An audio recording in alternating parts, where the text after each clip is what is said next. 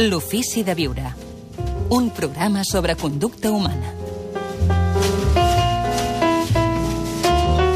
Avui l'Àlex Rovira en el seu bloc de notes. Benvingut, Àlex. Què tal? Molt bon dia. Molt bé, molt bé, Gaspar. Parlant de l'addicció també als videojocs. Sí, senyor. Què en penses?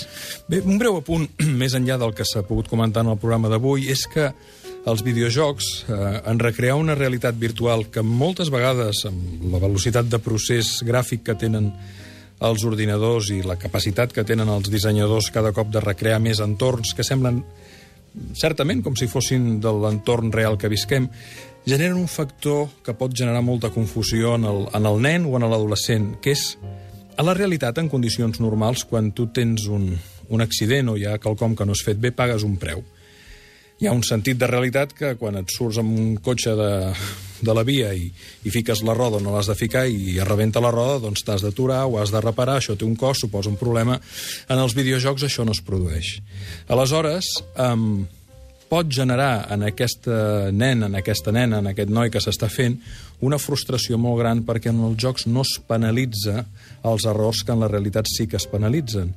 I això fa que puguin generar confusions importants respecte al que suposa manegar-se a la vida si no som molt clars de fer entendre en els nostres fills que la recreació que estan visquent és una recreació no només falsa pel que fa a la virtualitat del món que estan veient, sinó el preu que hauran de pagar. És a dir, la realitat té un preu quan t'equivoques, i té un preu que de vegades pot ser altíssim. I el que és preocupant és que determinats jocs premiïn moltíssim la subversió o l'anar contra les lleis per ser el millor del joc, per ser el que mates més, el que atropella més gent, el que fa més desgràcies.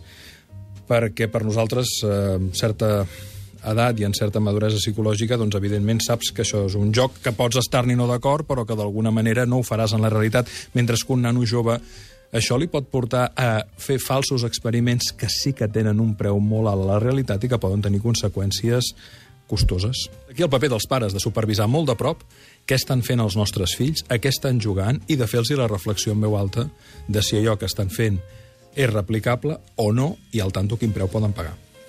Moltes gràcies, Àlex. Fins la setmana que ve. Bona Bona setmana. setmana.